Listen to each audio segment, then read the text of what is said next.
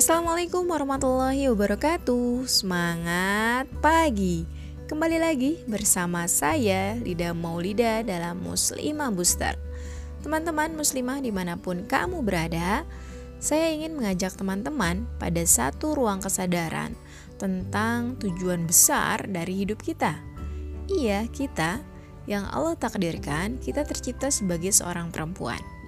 Nah, di episode kedua ini, saya ingin kita berpikir agak mendalam dari sesuatu yang bersifat filosofis, agar ruang pikiran kita terbiasa dengan hal-hal yang mendasar dan konseptual.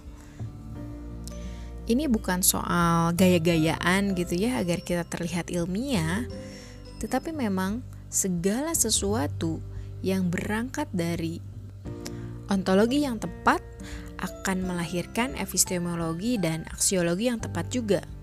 Apa itu ontologi, epistemologi, dan aksiologi? Insya Allah kapan-kapan akan saya bahas lebih detail gitu ya.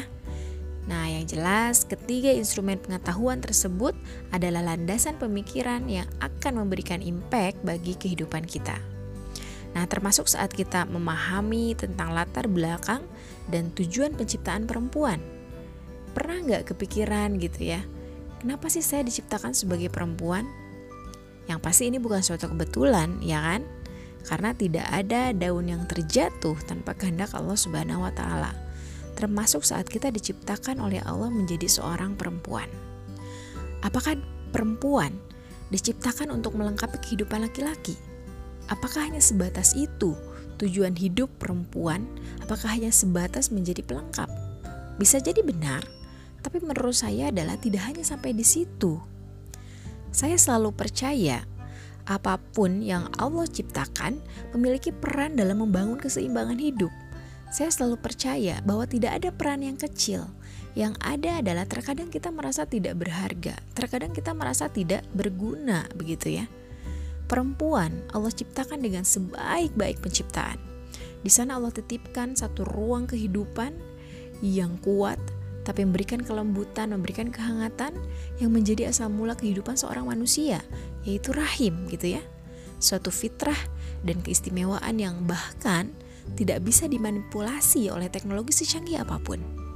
Ini adalah satu dari lebih banyak lagi privilege yang Allah berikan kepada perempuan. Saat kita membahas tema perempuan, saya tidak ingin terjebak pada satu diskursus tentang pro kontra bagaimana posisi perempuan dalam kehidupan begitu ya antara ekstrim kanan yang masih terjebak budaya patriarki atau ekstrim kiri yang memperjuangkan hak-hak perempuan namun nyatanya melampaui batas sehingga justru menyeret perempuan keluar dari fitrahnya. Nah, makanya saya ingin ketika membahas tema perempuan ingin membawa pembahasan ini pada satu ruang diskusi yang lebih konstruktif perempuan sebagai bagian dari satu entitas kehidupan memiliki peran yang sangat strategis, bukan hanya di dalam rumahnya sebagai penyejuk mata suaminya, sebagai penjaga harta suaminya, bahkan sebagai madrasah utama bagi anak-anaknya. Namun juga perempuan memiliki peran penting dalam membangun peradaban. Perempuan bisa menguasai dasar-dasar ilmu pendidikan anak, sekaligus dia adalah seorang ahli di bidang keilmuannya. Perempuan bisa menjadi seorang istri yang cekatan, mengerjakan pekerjaan rumahnya, sekaligus dia adalah seorang expert di bidang di profesi publiknya, di bidang spesialisasi ilmunya. Perempuan bisa sangat sibuk mengurusi keluarganya, dalam waktu bersamaan dia masih memikirkan urusan orang banyak.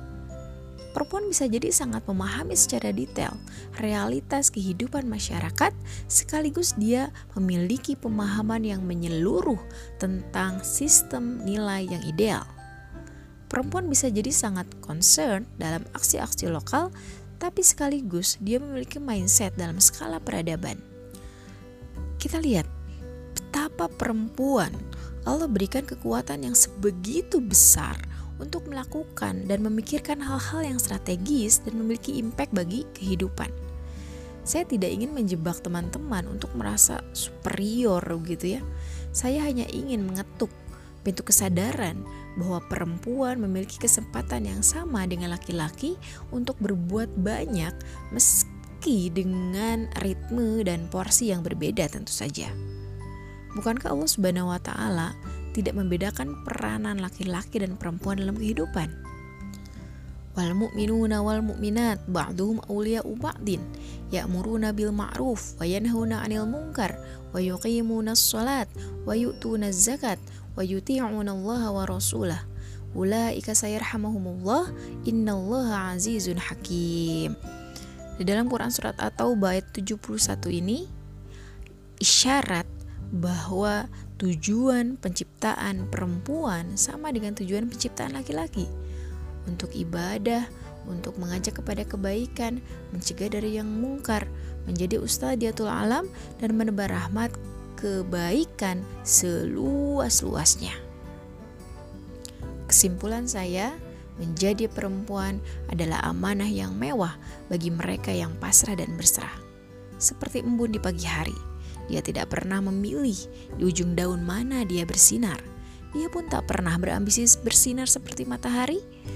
Dia bukan tak punya obsesi, dia bukan tak punya mimpi, tapi begitulah seninya dalam menjalani kehidupan. Itulah definisi perempuan menurut saya sebagai perempuan. Bagaimana menurutmu?